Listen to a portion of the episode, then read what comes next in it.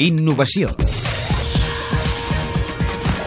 El Centre de Recerca i Innovació de Catalunya, Cornellà de Llobregat, estan treballant en un detector per identificar les malalties infeccioses que afecten la indústria porcina. Albert Nieto és el director del centre, del CRIC. L'objectiu principal d'aquest projecte és, és proporcionar a tot el que és la indústria, tot el sector del porc, tant des de l'escorxador fins a la manipulació del producte final, una eina per poder detectar els principals patògens que, que estan presents a la, a la carn del porc d'una manera fàcil, ràpida i, i efectiva. El projecte anomenat Passport està finançat per la Unió Europea i pensat sobretot per les petites i mitjanes empreses.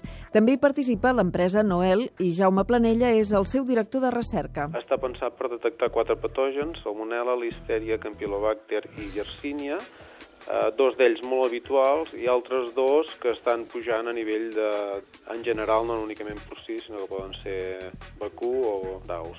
Per imaginar com serà el passport, podríem pensar en un test d'embaràs, una detecció igual de ràpida però bastant més complexa.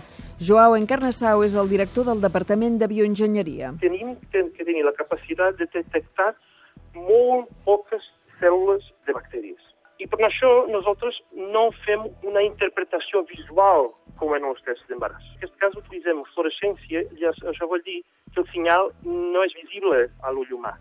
I per això utilitzem després un lector no molt més gran que un petit eh, tablet PC, d'on introduïm la cartutxa i després tenim una pantalla tàctil on tenim la resposta i que ens permet d'identificar en aquesta mostra de carn qual és la bactèria que està present o no. El passport que ajudaria les pimes a ser més competitives perquè les anàlisis sortirien molt més barates que amb el sistema actual. Aquest aparell avui sol valguer entre 20.000 i 40.000 euros. Depèn de la tècnica que faci servir, d'acord?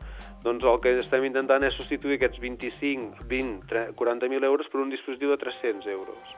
Com explica Jaume Planella, de l'empresa Noel, hi hauria un benefici clar per la seguretat alimentària. Per exemple, amb una línia de producció d'uns 500 porcs hora i de, de 10 hores de, de producció, això se, solen agafar mostres doncs, unes tres vegades al dia. Amb aquests dispositius es podia incrementar, doblar, triplicar o quadriplicar la freqüència amb què fer, en fer aquests anàlisis. Però aquest és un dispositiu que ens ajuda a donar un pas endavant i a justificar una celebritat del nostre producte davant dels clients nacionals, però sobretot a davant dels nostres clients internacionals. El passport, doncs, tindria un objectiu doble, donar seguretat al client i beneficis a l'empresa.